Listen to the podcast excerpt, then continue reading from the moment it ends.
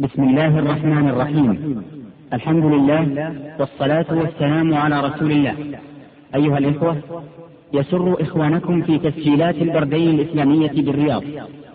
أن يقدموا لكم الإصدار الثالث من سلسلة الدروس العلمية لسماحة الشيخ عبد العزيز بن عبد الله بن باز المفتي العام للمملكة العربية السعودية ورئيس هيئة كبار العلماء ورئيس إدارة البحوث العلمية والإفتاء. وهذا الإصدار يحتوي على شرح لكتاب رياض الصالحين للإمام النووي رحمه الله تعالى. بداية الشريط الحادي عشر. بسم الله الرحمن الرحيم.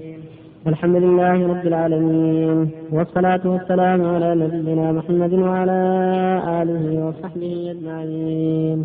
أما بعد قال الإمام النووي رحمه الله تعالى باب فضل من فطر صائما وفضل الصائم الذي يوكل عنده ودعاء الآكل للمأكول عنده. عن زيد بن خالد الجهني رضي الله عنه عن النبي صلى الله عليه وسلم قال من فطر صائما كان له مثل أجره غير أنه لا ينقص من أجر الصائم شيء. رواه الترمذي وقال حديث حسن صحيح. وعن أم عمارة الأنصارية رضي الله عنها أن النبي صلى الله عليه وسلم دخل عليها فقدمت إليه طعاما. فقال كلي. فقالت إني صائمة. فقال رسول الله صلى الله عليه وسلم إن الصائم تصلي عليه الملائكة إذا أكل عنده حتى يفرغوا. وربما قال حتى يشبعوا. رواه الترمذي وقال حديث حسن. وعن انس رضي الله عنه ان النبي صلى الله عليه وسلم جاء إلى سعد بن عباده رضي الله عنه فجاء بخبز وزيت فأكل ثم قال النبي صلى الله عليه وسلم أفطر عندكم الصائمون وأكل طعامكم الأبرار وصلت عليكم الملائكة. رواه أبو داود بإسناد صحيح. الحمد لله. صلى الله وسلم على رسول الله وعلى آله وأصحابه ومن اهتدى بالله أما بعد فهذه الأحاديث الثلاثة فيما يتعلق بشكل الصائم والإفطار عنده. الحديث الأول يقول صلى الله عليه وسلم من فطر صائما كان له مثل اجره من غير ينقص من اجر الصائم بشيء. وهذا الحديث له شواهد عن سلمان وعن غيره تدل على فضل تفطير الصوام. وأن الشخص الذي يفطر الصائم يكون له مثل أجر الصائم سواء فطره على تمر أو على رطب أو على لبن أو على غير ذلك فيستحب لأهل الإسلام فيما بينهم أن يتعاونوا في هذا وأن يفطر غنيهم فقيرهم من باب الإحسان والتعاون على الخير وفي حديث ابن عمر الدلالة على أن الصائم إذا أتي عنده يؤجر أكل عند الصائم صلت عليه الملائكة حتى يفرغ الآكلون وهذا أيضا فيه خير للصائم. فهو أمسك عن الطعام والشراب يرجو ما عند الله من المثوبة ولم يأكل. ولم يباح له الأكل. كحال الصائم المتطوع يرجو ما عند الله. يكون مثل أجور من أكل كان عنده وهو صائم. صلي عليه الملائكة. ويكون له في هذا أجر لأنه أمسك عن الأكل والشرب ما عند الله من المثوبة والحمد الثالث ليس الثالث؟ كذلك حديث سعد بن عبادة زاره النبي صلى الله عليه وسلم وكان عنده قال أصر عندكم الصائمون وكان طعامكم الأبرار صلت عليه الملائكة. يستحب الدعاء لمن وكل عنده. أن يقال أكل طعامكم الأبرار وأفطر عندكم الصائمون وصلت عليهم الملائكة. وفي الحديث آخر رواه مسلم الصحيح دعا بدعاء آخر قال اللهم بارك لهم فيما رزقتهم واغفر لهم وارحمهم. فإذا أكل الإنسان عند أخيه يدعو له. اللهم بارك لهم فيما رزقتهم واغفر لهم وارحمهم. أكل طعامكم الأبرار أفطر عندكم الصائمون صلت عليكم الملائكة. كل هذا من الدعاء الحسن. وإذا قال أنعم الله عليكم زادكم الله فضلا كثر الله خيرا كله كل شيء طيب. ولكن تحري بالشيء اللي قاله النبي صلى الله عليه وسلم ودعا به يكون أكمل وأفضل وكذا طعامكم الأبرار وأفطر عندكم الصائمون صلت عليكم الملائكة.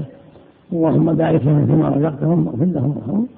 من هذه الدعوات ثابتة عن النبي صلى الله عليه وسلم. وفق الله الجميع.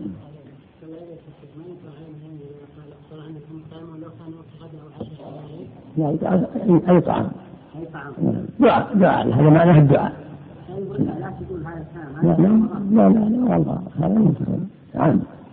معناه أن الله يسر لك المصائب اكرم عنده حتى حتى يكون لكم في أجورهم. إذا اعطوا عندكم الصيام صار عن سؤالهم ما ما ما ما مثل هذا. يأتي حديث آخر فيما فيما إذا اجتمعوا على دراسة القرآن والذكر نزل عليهم السكينه وغشتهم رحمه حتى وذكرهم الله فيما عنده. إذا اجتمعوا على قراءة القرآن وعلى ذكر الله سبحانه وتعالى. بسم الله الرحمن الرحيم. الحمد لله رب العالمين والصلاة والسلام على نبينا محمد وعلى آله وصحبه أجمعين. أما بعد قال الإمام النووي رحمه الله تعالى كتاب الاعتكاف عن ابن عمر رضي الله عنهما قال كان رسول الله صلى الله عليه وسلم يعتكف العشر الأواخر من رمضان. متفق عليه.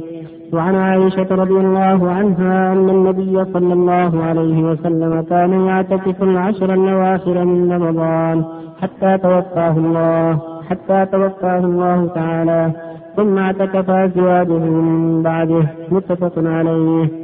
وعن أبي هريرة رضي الله عنه قال كان النبي صلى الله عليه وسلم يعتكف في كل رمضان عشرة أيام فلما كان العام الذي قبض فيه اعتكف عشرين يوما. رواه البخاري. بسم الله الحمد لله صلى الله وسلم على رسول الله وعلى آله وأصحابه ومن اهتدى به أما بعد هذه الأحاديث تعلق الاعتكاف فيها سنة مؤكدة. ومحلها المساجد كما قال الله جل وعلا ولا تلبسوهن وأنتم عاكفون في المساجد. في اللبس والإقامة عكف المكان إذا أقام به ولا الاعتكاف وجلوس المسجد بنية التعبد والتقرب إلى الله من ليل أو نهار وليس له حد محدود وهو مشروع في كل وقت وفي رمضان آكد وفي العشر الأخيرة آكد ومشروع في جميع الأوقات ولا حد لأقله ولا حد لأكثره. والهدف منه التفرغ للعبادة الهدف التفرغ للعبادة من القراءة قراءة القرآن الذكر الصلاة والدعاء هذا هو المقصود أن يتفرع لعباده الله جل وعلا. وكان النبي صلى الله عليه وسلم يعتكف في أول رمضان وفي وسط رمضان ثم استقرت السنة في آخر رمضان. يعتكف في الاخيره من رمضان حتى توفاه الله. وفي بعض السنوات حصل بعض ما منع من الاعتكاف في رمضان فاعتكف في شوال قسم من شوال عليه الصلاة والسلام. وهكذا هكذا ذكر ابن عمر وذكرت عائشة أيضا إنه كان يعتكف عشر اخر من رمضان حتى توفاه الله عز وجل. فيسحب المسلم إذا تيسر له ذلك أن يعتكف. أما إذا كان اعتكافه قد يمنع مما هو أهم قد يشغله عما هو أهم من يترك الاعتكاف.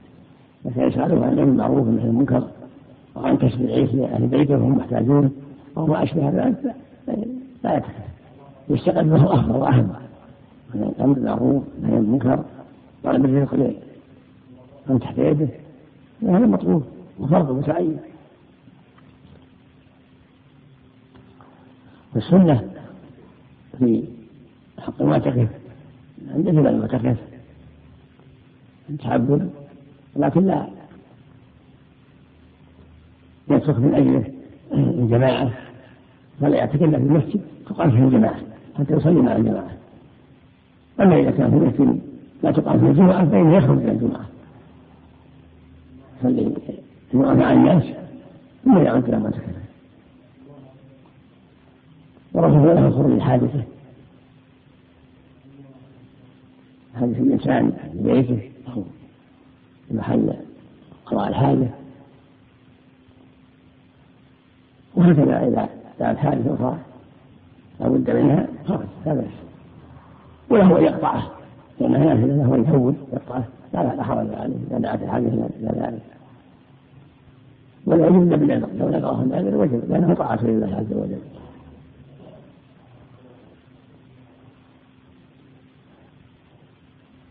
الحديث الأخير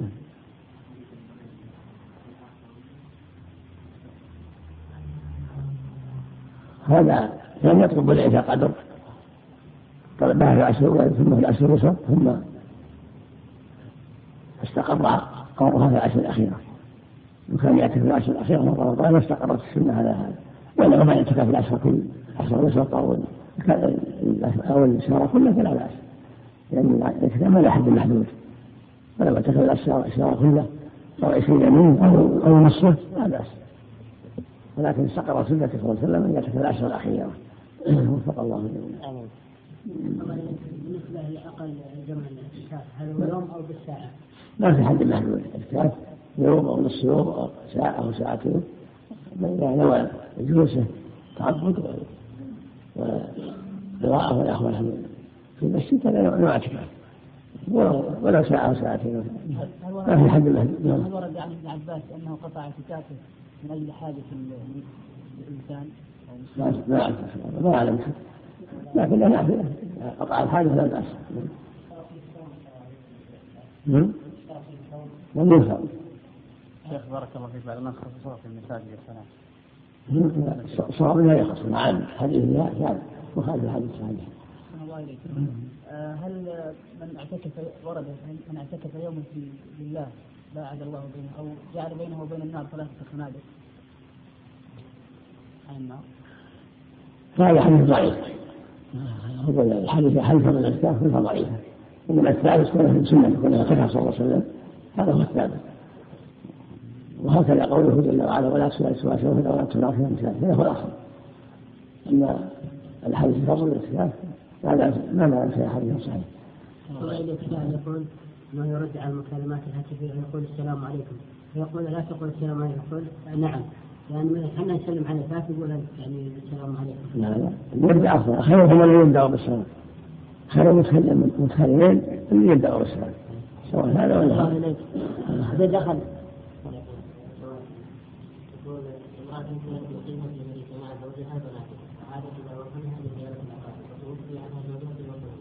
السؤال ليس تقبل العدة. للنساء علما بأنها ترغب أن تقضي أيام العدة في بيت الرجال فما رأيت ما حدث في ذلك؟ كيف فهمت؟ امرأة كانت مقيمة في أمريكا مع زوجها وبناتها. وعادت إلى وطنها لزيارة الأقارب وتخفي عنها زوجها في وطنها. سواء أين تقضي أيام العدة؟ في أمريكا في ترغب أن تقضي العدة في في بلدها لأن لا تدخل ساعة الجميع تقضيها ولا ساعة تقضيها في بلدها. الحمد لله انجاه الله أمريكا وخلصنا من أمريكا. الحمد لله تحمد إنسان إن شاء الله يستفيد ولا الله إليك إذا جاء دخل الإنسان المسجد قبل الأذان بعشر أو ربع ساعة هل له أن ينوي الاعتكاف؟ إن نوى فلا بأس وهو جالس على العبادة ولو لا معلوم على والجوع. في صلاة ما جاء الصلاة. ما جاء ينتظر الصلاة. هو في صلاة. الملائكة تصلي عليه. تستغفر له الملائكة. وإن ولا اعتكاف فلا بأس. أخذ بالنسبة للدروس المسجد هذا هل هي مستمرة في رمضان على حسب هذه الطريقة أم يتغير الكتب؟ أم نعم؟ يعني الغدا نعم. دروس رمضان. يعني بكرة مثلا كان رمضان إن شاء الله الباب الطيب يتوقف يعني شيخ يقول أنا أنا محمد في هذه العادة وضعيف رمضان مختصر بعشر وضعيف وضعيف لصائف من رجب رحمه الله يقرأ بعض العلماء في المنتقى من أهل الصيام ويتعلق بالصيام المنتقى ما يتعلق بالأحكام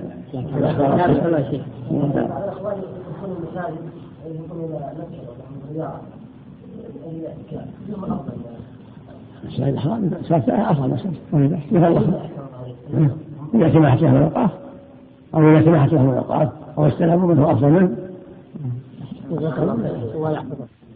بسم الله الرحمن الرحيم. الحمد لله رب العالمين. والصلاة والسلام على نبينا محمد وعلى آله وصحبه أجمعين. أما بعد. قال الإمام النووي رحمه الله تعالى كتاب الحج. قال الله تعالى ولله على الناس حج البيت من استطاع إليه سبيلا ومن كفر فإن الله غني عن العالمين. وعن ابن عمر رضي الله عنهما أن رسول الله صلى الله عليه وسلم قال بني الإسلام على خمس شهادة أن لا إله إلا الله وأن محمدا رسول الله. وإقام الصلاة وإيتاء الزكاة وحج البيت وصوم رمضان. متفق عليه. وعن أبي هريرة رضي الله عنه قال خطبنا رسول الله صلى الله عليه وسلم فقال يا أيها الناس قد فرض الله عليكم الحج فحجوه. فقال رجل أكل عام يا رسول الله؟ فسكت حتى قالها ثلاثا. فقال رسول الله صلى الله عليه وسلم لو كنت نعم لوجبت ولم استطعتم. ثم قال ذروني ما تركتكم فإنما هلك من كان قبلكم بكثرة سؤالهم. واختلافهم على أنبيائهم. فإذا أمرتكم بشيء فأتوا به فأتوا منه ما استطعتم. وإذا نهيتكم عن شيء فدعوه. رواه مسلم. وعنه رضي الله عنه قال سئل النبي صلى الله عليه وسلم أي العمل أفضل؟ قال إيمان بالله ورسوله. قيل ثم ماذا؟ قال الجهاد في سبيل الله. قال ثم ماذا قال حج مبرور. متفق عليه. وعن أبي هريرة رضي الله عنه قال سئل النبي صلى الله عليه وسلم أي العمل أفضل؟ قال إيمان بالله ورسوله. قيل ثم ماذا؟ قال الجهاد في سبيل الله. قيل ثم ماذا؟ قال حج مبرور. متفق عليه. وصلى الله وسلم على رسول الله وعلى آله وأصحابه. أما بعد هذه الأحاديث ما يتعلق بالحج. الحج أحد أركان الإسلام الخمسة وهو الركن الخامس وهو فرض على كل المكلفين المستطيعين من الرجال والنساء من المسلمين. مرة في العمر. بقوله جل وعلا وان الله على الناس حج البيت من استطاع إليه سبيلا. فهو نعمة من الله. وفضل منه جل وعلا على عباده أن شرع لهم هذه العبادة العظيمة التي فيها إقامة ذكر الله وإحياء مسائل الحج والتأسي بالأنبياء في ذلك. مع ما في ذلك من العبادات العظيمة المتنوعة. ومع في ذلك من جمع المسلمين. كل عام يرى بعضهم بعضا ويعرف بعضهم بعضا ويتعاون بعضهم مع البعض. فيه مصالح كثيرة. ولهذا قال جل وعلا ولله أن الحج ليس من شيطان شيئا قال وأتم الحج والعمرة لله. والعمرة هي زيارة في البيت. قال عمرة. وإذا جمعها مع الحج فلا بأس. وإن أرادها وحدها فهو أفضل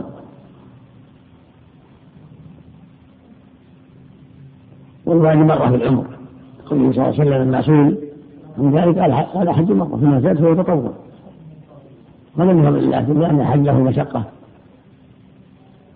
قد يكون بعض المسلمين في بلاد بعيدة. من رحمة الله جعله مرة في العمر. وما زاد فهو فضل ولهذا قال عليه الصلاة والسلام الحج المبرور ليس له جزاء إلا جنة. وفي الآخر تابع بين الحج والعمرة فإنهما ينتهي الفقر والذنوب كما ينفتي وخبر الحج والذهب بالفضة قال صلى الله عليه وسلم العمرة والعمرة كفارة لما بينهما. والحج مبرور ليس له ولا جنة. وقال أيضا عليه الصلاة والسلام الحج فلم يرفث ولم يفسق رجع في ولدته أمه يعني رجع من ذنوبه إن كفر الله خطاياه فهو أحد أركان الإسلام الخمسة الامتلاك قبل الأفضل عليها. في حق المستطيعين مرة في العمر. ولهذا قال إن الله كتب له الحج يحج. فسأله أعرابي أفي كل عام رسول الله؟ قال قلت له الحج مرة ثم زادت فهو تطوع. قال صلى الله عليه وسلم ما أمرتكم فما أمرتكم بأن فأتوا ما استطعتم وما نهيتم عنه فاجتنبوه ذروا ما تركتكم. بينما هلك من كان قبلكم بسبب سنتهم واختلافهم على أنبيائهم. فالواجب على المكلفين امتثال اوامر الله حسب الطاقة وترك ما نهى الله عنه. ولهذا قال عز وجل فاتقوا الله ما استطعتم. الأوامر يجب أن تكون نزل حسب الطاقة وإنه يجب تركها واجتنابها كلها. وقال صلى الله عليه وسلم عليه الصلاة والسلام سئل أي أن العمل أفضل؟ قال إيمان بالله ورسوله وتوحيد الله والإخلاص والإيمان ورسوله ثم أي؟ قال الجهاد في سبيل الله. قيل ثم أي؟ قال حج مبرور هذا يدل على الجهاد وأنه أفضل الأعمال بعد الواجبات بعد الفرائض. وأنه مقدم على حج حج النافلة. وبعد الجهاد الحج المبرور النافلة. المبرور هو الذي بر فيه صاحبه بأداء الفرائض وترك المحارم. هذا هو الذي بره بر فيه صاحبه بأداء ما فرض الله في الحج وترك ما حرم الله من سائر الأعمال والأقوال. ومن ذلك الكسب الطيب والنفقة الطيبة. وفق الله جميعا. الله الحج عن امرأة رمي في ما الحوض ماذا يفعل؟ هل يعيد الحجة أم عليه الدم؟ هذا واجب فقط. دم. دم. لله يذكر الفقراء نعم. لأن الرمي واجب من الواجبات نقص. ينبغي الدم. الله إليك رجل ما يفعل غيبوبة هل عليه كفارة أم لا؟ معلش لا إذا أفاق من جديد. إذا أفاق يرتدي الصلاة من جديد أهل ما يطعمون على أحد. لا ما عليه شيء بس يمجدون وضعتهم إلا إذا كان مدة قليلة يومين ثلاث إذا كان يوم يومين ثلاث وأفاق يقضيها كالنائم كالنائم الصحيح. أما إذا كانت أكثر من ثلاث كالنعتم كالنائم ما عليه ما عليه قرار حتى يخرج من شيء؟ حتى يطيب حتى يشفى جزاك الله خير. الله إليك. ما ورد عن بعض الصحابة من قوله من مات ولم يحج فلا عليه أن يموت نصرانيا أو يهوديا. إذا قدر الحج. من باب الوعيد. وعن علي من باب الوعيد. وعن عمر قال لا من أمر ينظر في المسلمين من حج المسلمين فمن استطاع الحج وأن حج فلا عليه أن يموت يهودا نصرانيا من باب التحريم والترهيب. سواء عن عمر وعن علي عن علي وعن عمر. الله عليك تسديد الديون قبل الحج يجب الحج عن علي من من قد حج بالحج فلا علم شيئا من كثير من الهدى والسلم وعن علي. واما هو عن عمر قضاء الامر يوضعه في حديث لكن من باب التعليم من باب التحديد. بالنسبة للجهل العود هل الإنسان هو صائم يطيب أو لا؟ بس لا يتبخر لا يتصعب البخور المخمور الأنبه أما في شعابه وفي لحيته وفي بغض يعني عوده مولاه أمر مسك بسم الله الرحمن الرحيم.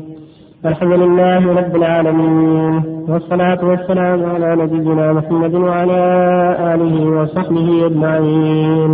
أما بعد قال الإمام النووي رحمه الله تعالى في كتاب الحج وعن أبي هريرة رضي الله عنه قال سمعت رسول الله صلى الله عليه وسلم يقول من حج فلم يرفث ولم يفسق رجع كيوم ولدته أمه متفق عليه.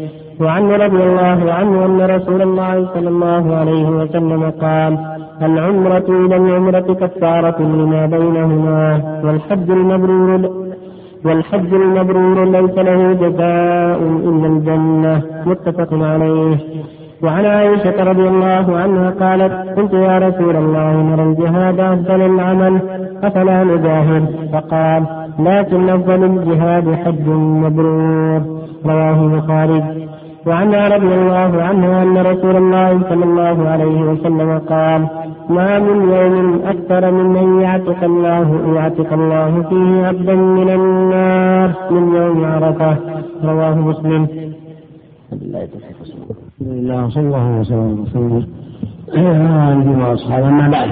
هذه الأحاديث الاربعه كلها تتعلق بفضل الحج. الحج هو احد اركان الاسلام الخمسه كما تقدم والركن الخامس وفرض على المكلفين المستطيعين من المسلمين مرة في العمر كما تقدم يقول صلى الله عليه وسلم من حج فلم يرفث ولم يفسق رجع كما امه فلم يرفث ولم يجامع ولا ياتي بالرهن الكلام السيء ولم يفسق يعني لم يسير على معاصي بل حج تائبا ناجما لا معصيه له رجع كما امه وهذا فضل الحج وأنه يكثر السيئات ويحط خطايا لمن لم يصر على المعاصي. بل ابتعد عن الرفث والفسوق. ولهذا في الآخر قال صلى الله عليه وسلم العمرة كفارة لما بينهن والحج المبرور ليس له الجنة مبرور سليم المعاصي. مع طيب النفقة. وحل النفقة. والحديث الثالث تقول عائشة رضي الله. عنها نرى الجهاد أفضل الأعمال. أفضل الحج؟ قال عليه الصلاة والسلام أفضل الجهاد حج مبرور نرى الجهاد أفضل أفضل مجاهد قال صلى الله عليه وسلم قال صلى الله عليه وسلم لكن أفضل الجهاد حج مبرور وفي اللفظ الآخر على كل الجهاد لا قتال فيه في الحج والعمرة يعني يعني بها جهاد ليس في قتال هو الحج والعمرة هذا نصيبه من الجهاد الحج فالجهاد للرجال جهاد بالسيف لأعداء الله مثل الرجال. أما النساء فجهادهن الحج والعمرة الحديث الرابع يقول صلى الله عليه وسلم ما من يوم أكثر عتيقا من النار من يوم عرفة. من يوم من يسأل يسأل الله في عتق من النار من يوم عرفة. وإنه لا يجري وهو ظاهر الملائكة. ويقول سبحانه ما أراد هؤلاء؟ هذا الحديث يدل على فضل يوم عرفة وأن الله سبحانه يعطي من النار أكثر من يعطي غيره فالمؤمن يتحرى هذا الخير يجتهد في أسباب العتق من النار والأعمال الصالحات والحذر من السيئات. نسأل الله عز الله أن يعتقه من النار. وفق الله في الجميع. الله إليك. مشاركة النساء في تضميد جراح المقاتلين. ما يعد لهن جهاد؟ هذا إذا دعتهم الحاجة إذا دعتهم الحاجة فعل أخيرا ما سوى يساعد قد قد الطاقة. مع التحجب ومع الحذر من الخلوة. يعني مع مراعاة الحدود الشرعية. ويكون لهم يجعل فضل الجهاد إن شاء الله لكن هذا جهاد خاص في مساعدة المجاهدين. الله. إليك يا شيخ. العمرة في رمضان. هل الإنسان منها في كل عام أو مرة واحدة؟ إن شاء الله. كل عام. النبي صلى الله عليه وسلم. في رمضان حجه لو كررها شيخ في رمضان مثلا مرة مرتين ما هي؟ ما هي؟ العمرة وتفاوت فيما بينهم ما حجت فيعتبر في كل شهر في كل شهرين. الله إليك من استدان للحج أو العمرة. يصح حجه؟ يصح لا لا يصح على الاستدامة. الحج الآن ما على الاستطاعة لا حاجة في الاستدامة. إن استطاع بالله معفو عنه لا يصح.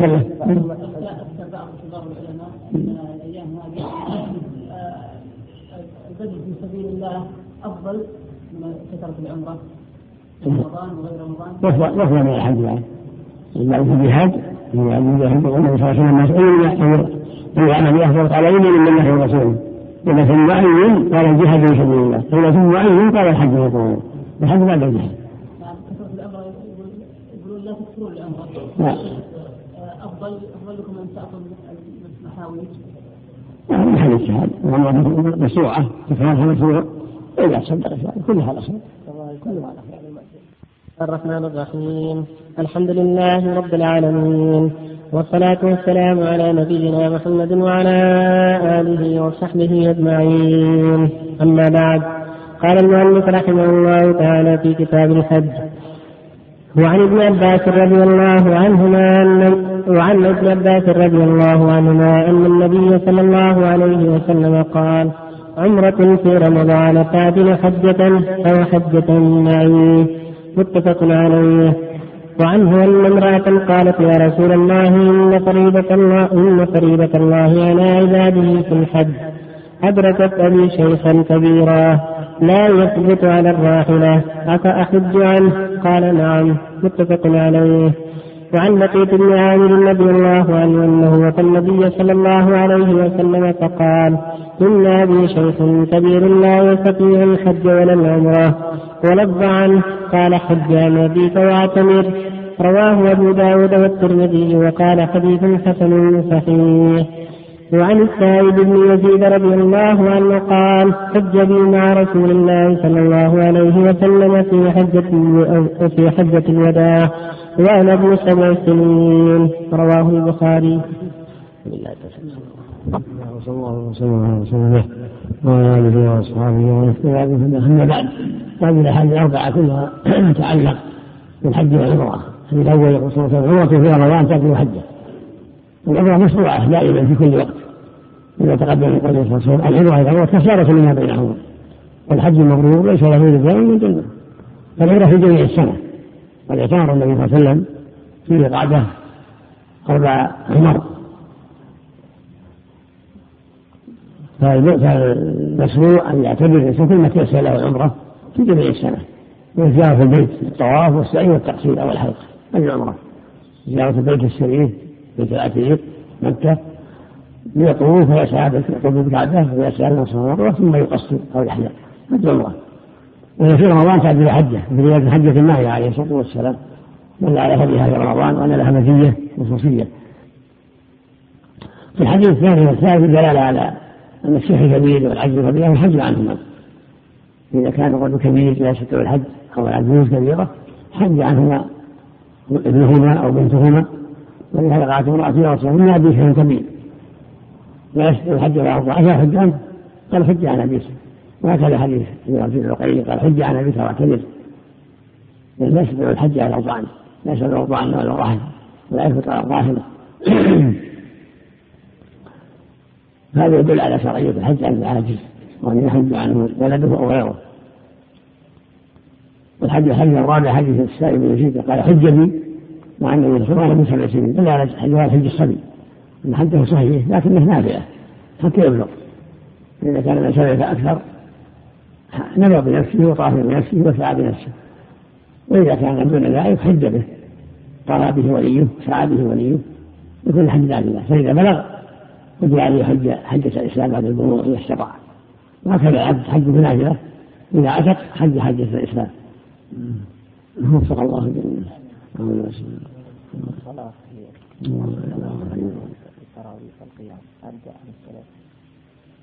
لا أخبر في هذا شيء ما أخبر في هذا شيء منصوص ما أعلم شيء منصوص في هذا لكن واسع مباشر إذا خف بعضها وطلقل بعضها فهو مباشر 27 بالعمرة لأنه يتحرى في هذا القدر. خاص الأوتار وعلى يوم القدر ويأتي على السبعة أرجاها ويعمل فيها أفضل من ألف شهر في نفس الأرض ما في بس ما في حرام ولا غير رمضان يقول إذا سأل العمرة كفارة لما بينه ما في حد محدود. بالنسبة للذي يحج على الغير لا يشترط أنه إذا وصى إذا كان ميت؟ لا ولا موصى لكن يشترط أنه قد حج عن نفسه. لا بد حج عن غيره من قد حج عن نفسه قد اعترض عن نفسه. إذا كان مفرطا ولا مفرط الحج عنه يدعى له بالمغفرة والعفو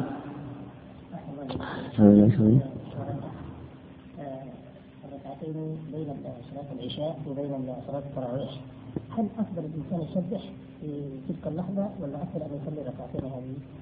سنة العشاء في سنة العشاء قبل التراويح التهجد التهجد بعد بعد النافلة بعد نافلة العشاء بعد الراتبة صلي العشاء ثم الراتبة ثم تهجد التراويح وغيره. هل أفضل يسبح ولا يقول ما يعدي هذه الركعتين؟ لا يتسمع لا يتسمع يعني بعد ما يفرغ من الأذكار صلى الراتبة هذه السنة. السنة هو يأتي بالأذكار الشرعية ثم يصلي. حتى وإن لم يذكر إذا تقدم الإمام وصلى التراويح أحسن الله عليه. هذا الإمام هو تقدم بعد ما صلى الناس. الناس تصلي النافلة صلى النافلة وصلى وإذا تقدم صلى التسليم في وابنية الراتبة ما في بس. قوله الله ينظر بعين الرحمة حكمه يا شيخ هذا ربنا واحد من دعوات كريم سبحانه وتعالى يرحم من يشاء ويعقل من يشاء جل وعلا فهو يرحم المستحق الرحمة ويعقل المستحق للعقابه بالنسبة للدعاء هل في مانع الإنسان يقول اللهم إني لا أسألك القضاء ولكني أسألك اللطف لا يسأله الخير من الشر. ما يحصل الدعاء هذا. يسأل ربه الخير ويتعوذ به من الشر. نسأل الله خير. ما علم خير ما قدر. ويعوذ بالله من شر كل شيء. اللهم من خير كل عاجل ومن شر كل عاجل وأجل كله من الإسلام يسأل الله الخير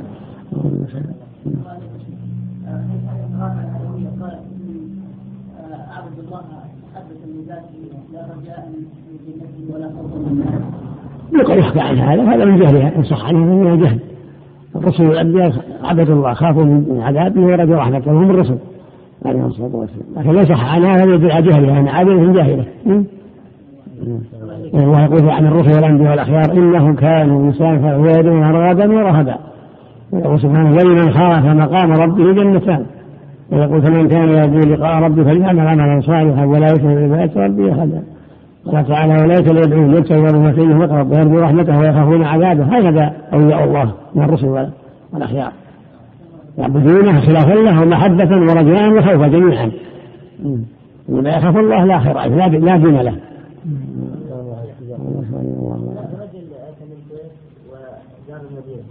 واحرم من ميقات المدينة وكان هذا قبل رمضان. يريد أن يعتمر في رمضان؟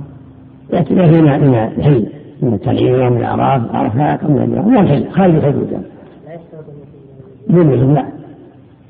لأن صار في مكة وأدى العمرة.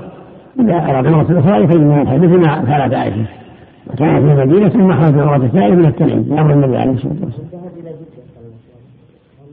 إذا له جدة ولا في بأس لكن الله يسر عليه من أقرب. الله قال أن هذا خاص بالحائض. من كيس؟ من كيس. في الناس طاع وما آتاكم الرسول خذوه. وما نهاكم عنه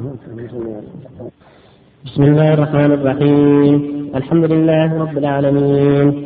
والصلاة والسلام على نبينا محمد وعلى آله وصحبه أجمعين. أما بعد قال الإمام النووي رحمه الله تعالى في كتاب الحج وعن ابن عباس رضي الله عنهما أن النبي صلى الله عليه وسلم لقي ركبا بالروحاء فقال من القوم؟ قالوا والمسلمون. قالوا من أنت؟ قال رسول الله. فرفعت امرأة صبيا فقالت هل هذا حج؟ قال نعم ولك أجر. رواه مسلم. وعن انس رضي الله عنه ان رسول الله صلى الله عليه وسلم حج على رحل وكانت زاملته رواه البخاري. وعن ابن عباس رضي الله عنهما قال كانت عكاظ ومدنة وفي المجاز أسواق في الجاهلية فتأثموا أن يتجروا في المواسم فنزلت ليس عليكم جناح أن تبتغوا فضلا من ربكم في مواسم الحج. رواه البخاري. وبالله التوفيق صلى الله بسم الله الرحمن الرحيم. الحمد لله.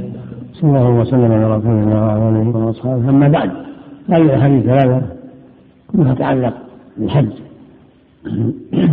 الحديث الأول انه صلى الله عليه وسلم في بعض أشيائه نقل رجل من روحاء روحاء موضع معروف في طريق المدينة.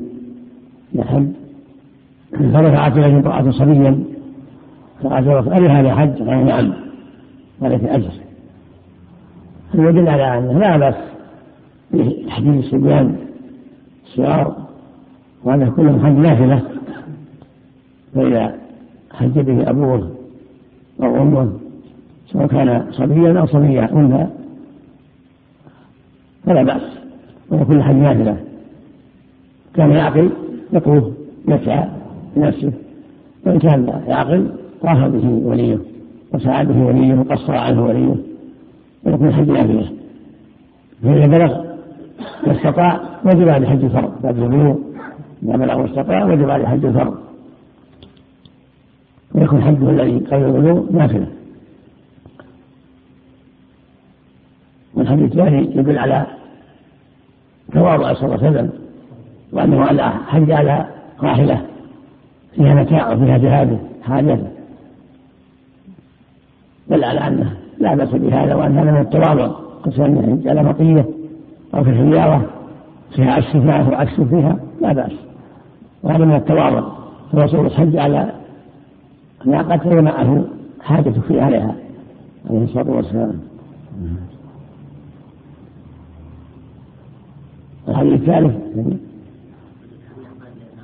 كذلك يدل على جواز البيع والشراء في أيام الحج وما لا حرج في ذلك كان الحاج. لا بأس بالبيع ويشتري وإن كان حاجا قبل ثم قال الله في شاء فيها فتقبل من ربكم كان بعض الحجاج حرج من ان يبيع ويشتري لا ينزل الله الآية على ان تقبل من ربكم فلا حرج على الحاج والمعتمد ان يبيع ويشتري في مكة وفي الطريق لا حرج في ذلك. وكانت عكاظ ومجنة ومن مجال أسواق الجاهلية. فلما أنزلهم الله الإسلام ودخل الناس في الإسلام تحرجوا فأنزل الله الآية ليس عليهم تدوروا من ربهم فلا حرج على الإنسان يبيع يشتري في مكة وفي المدينة وفي الطريق وإن كان كان الحج والعمرة وفق الله جميعا.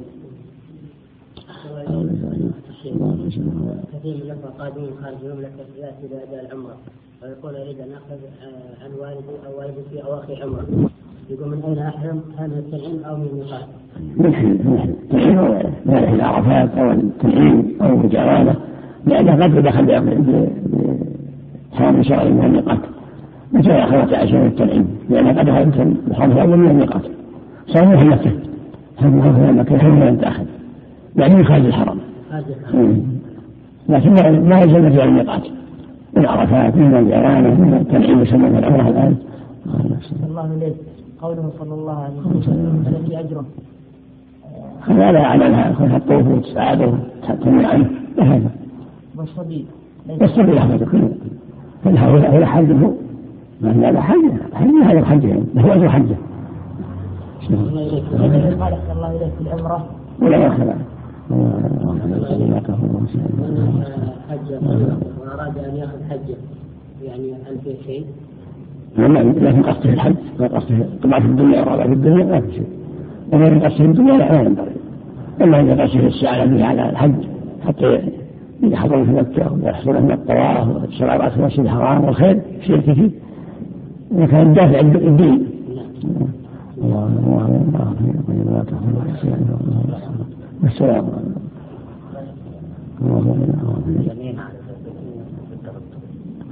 الله رجال الحنفي موجودة هنا معنا في في الرياض أيوه موجودة معنا وش وش قلت؟ قلت لها انت صالحية صلاة الصلاة. انت وياها مكتب الدعوة. مكتوب كلامكم الحمد إحنا انت وياها مكتب الدعوة. الشاب عبد الحمد بن حمدان هي جامع كبير. مكتب الدعوة يعني لوحة مكتوب كلامكم تجي منهم اللهم اللهم صل على محمد من ناحية الكفار لبسه في المرأة في الإحرام يحرم ولا لا شيخ؟ نعم.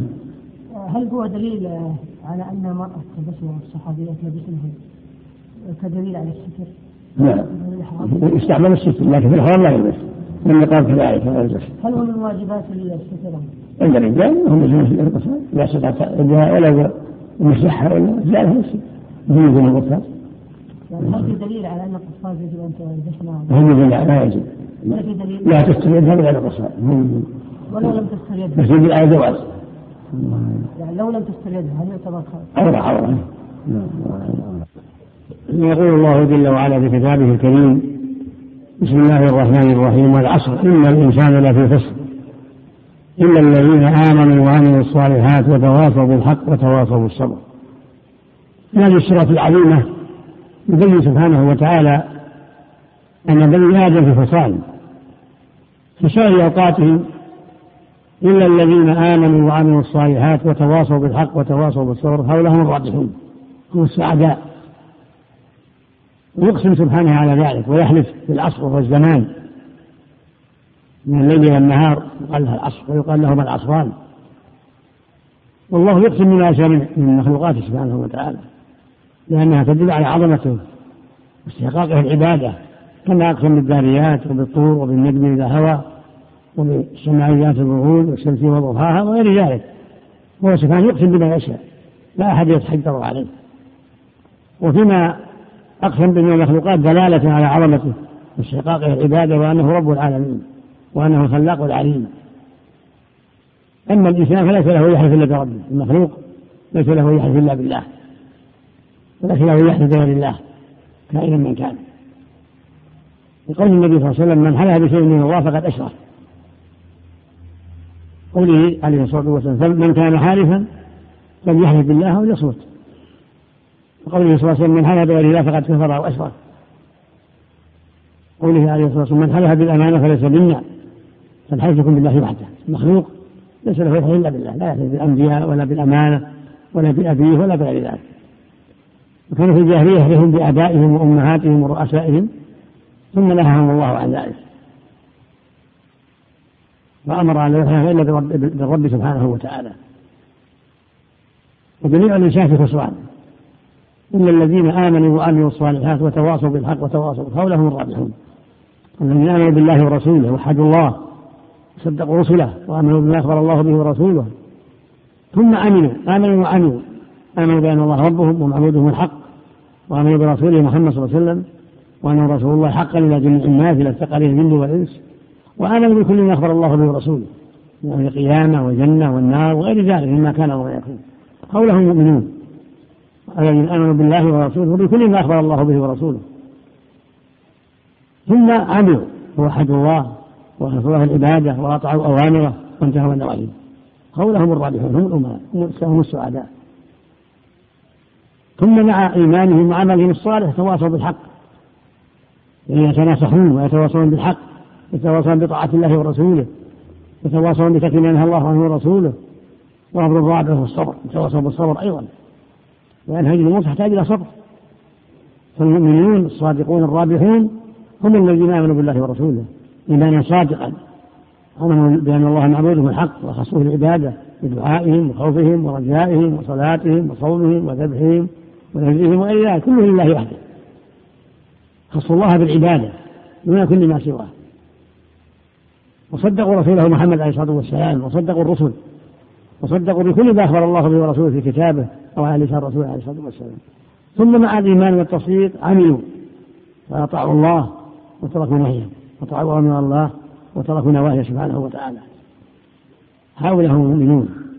وحدوا الله وصدقوه وعملوا بما جاء به رسوله عليه الصلاة والسلام وانقادوا بالعمل. فأطاعوا الأوامر وتركوا النواهي. عن إخلاص لله ومحبة وتعظيم. وتواصوا في ذلك بالحق فيما بينهم تناصحون يأمرون بالمعروف ينهون عن المنكر يدعون إلى الله. هذه نسبة أهل الإيمان الرابحين. وأمر الرابع هو الصبر يتواصوا بالصبر أيضا فيما بينهم حتى يؤدوا أمر الله وحتى ينصحوا عباد الله وحتى يدعوا ما حرم الله وحتى يستقيموا على دين الله جميعا الرجل مع أخيه مع جاره مع جليسه مع غيرهم من إخوان المسلمين ينصح ويوصي بالحق ويأمر بالمعروف ينهى عن المنكر. هذا هذا هو طريق. هذا هو الطريق الذي به النجاة والعصمة. هذا هو طريق السعادة. هذا هو الصراط المستقيم. توحيد الله وطاعته واتباع شريعته والتناصح في ذلك والتواصي بذلك والصبر على ذلك. ولهذا قال جل وعلا والعصر إن الإنسان لفي خسر. جنس الإنسان من بني آدم وهكذا الجن كلهم في خسارة إلا الذين آمنوا وعملوا الصالحات. آمنوا بالله ووحدوه وخلصوا له العبادة وآمنوا بما أخبر به ورسوله من أمر من أمر الآخرة والجنة والنار وغير ذلك يعني صدقوا بكل ما أخبر الله به ورسوله. ثم عملوا. فأدوا ما أوجب الله وتركوا ما حرم الله. وتواصوا فيما بينهم بالحق فيما بينهم. يتناصحون ويتواصون بطاعة الله ورسوله وترك ما نهى الله عنه ورسوله. ومع هذا يتواصون بالصبر أيضا. يصبرون على ذلك في جميع الأوقات. هؤلاء هم هؤلاء هم الرابحون هم السعداء. أصحاب هذه الصفات الأربع نسأل الله جعلنا وإياكم منهم. وأن يثبتنا وإياكم على دينه وأن يعيننا وإياكم مضلات الفتن. والناس في أشد الحاجة إلى التواصي هذه الدار دار العمل دار الجهاد دار الخطر. فأغلب الخلق في طاعة الهوى والشيطان. وما أكثر الناس ولو حرصت بالمؤمنين وقليل من عباده الشكور فالواجب على المؤمن أن يحرص على صحبة الأخيار والتواصل معهم بالحق والصبر على ذلك لعله ينجو في هذه الدار الخطيرة. لعله يأتي الموت وهو على طريق السلامة طريق النجاة. وفق الله الجميع وصلى الله وسلم على نبينا محمد وعلى آله وصحبه آية الشريط